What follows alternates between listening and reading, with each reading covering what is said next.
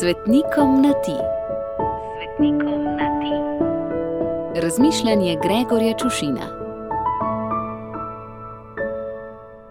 Ljubi moj sveti Janez de Brito. Ko človek vrže oko na tvoj življenjepis, mu je v hipu jasno, da si bil bolj nabrite sorte, pa ne le zaradi tvojega priimka. Komaj 15-leten si leta 1662 vstopil k jezuitom z željo, da bi postal misionar. Morda zato, ker sta te starša, bogata portugalska aristokrata, ko si kot otrok zbolel, posvetila Frančišku Ksaverju. In po njegovem zgledu si se tudi ti odpravil v Indijo, kjer te še danes častijo kot portugalskega Frančiška Ksaverja pa bi bilo morda primerneje, če bi te klicali indijski Janez Krstnik, kaj ti ne druživajo zgolj ime. Oprava Janeza Krstnika je bila, kot beremo v evangelijih, blago rečeno nenavadna, kamelja dlaka. In tudi ti si po prihodu v Indijo slekel jezuitsko in duhovniško črnino, ter si nadel rdeč plašč in turpan. Janez Krstnik je pohajal po neobljudeni puščavi, ti pa si postal pandara svarmi, puščavnik in se naselil v divjini.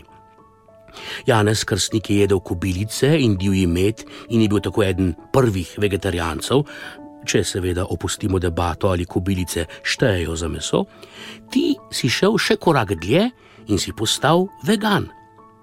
Množice so prihajale k krstniku, da jih je krstil, in tudi ti si postal znan in si krščeval vse vprek.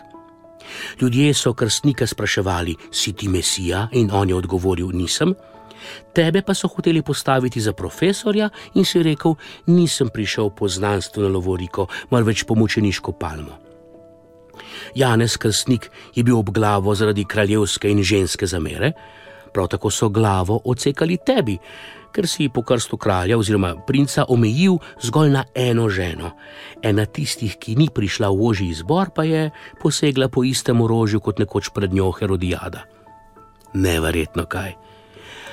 A kljub podobnosti s krstnikom, bi ti danes zaradi tvojega načina evangelizacije trda predla, vsaj pri nas, ker smo radi bolj papeški od papeža, vsekakor pa se imamo za boljše od papeža in če bi k svoji neduhovniški indijski opravi in veganstvu dodal zgolj telovadno misel na jogo, bi te novodobni kristijani, ki bi crkvo radi prenovili vsaj do predkoncilskosti, če ne kar do janzenizma, ne le obglavili, pač pa tudi vsaj razčetverili. Kakorkoli.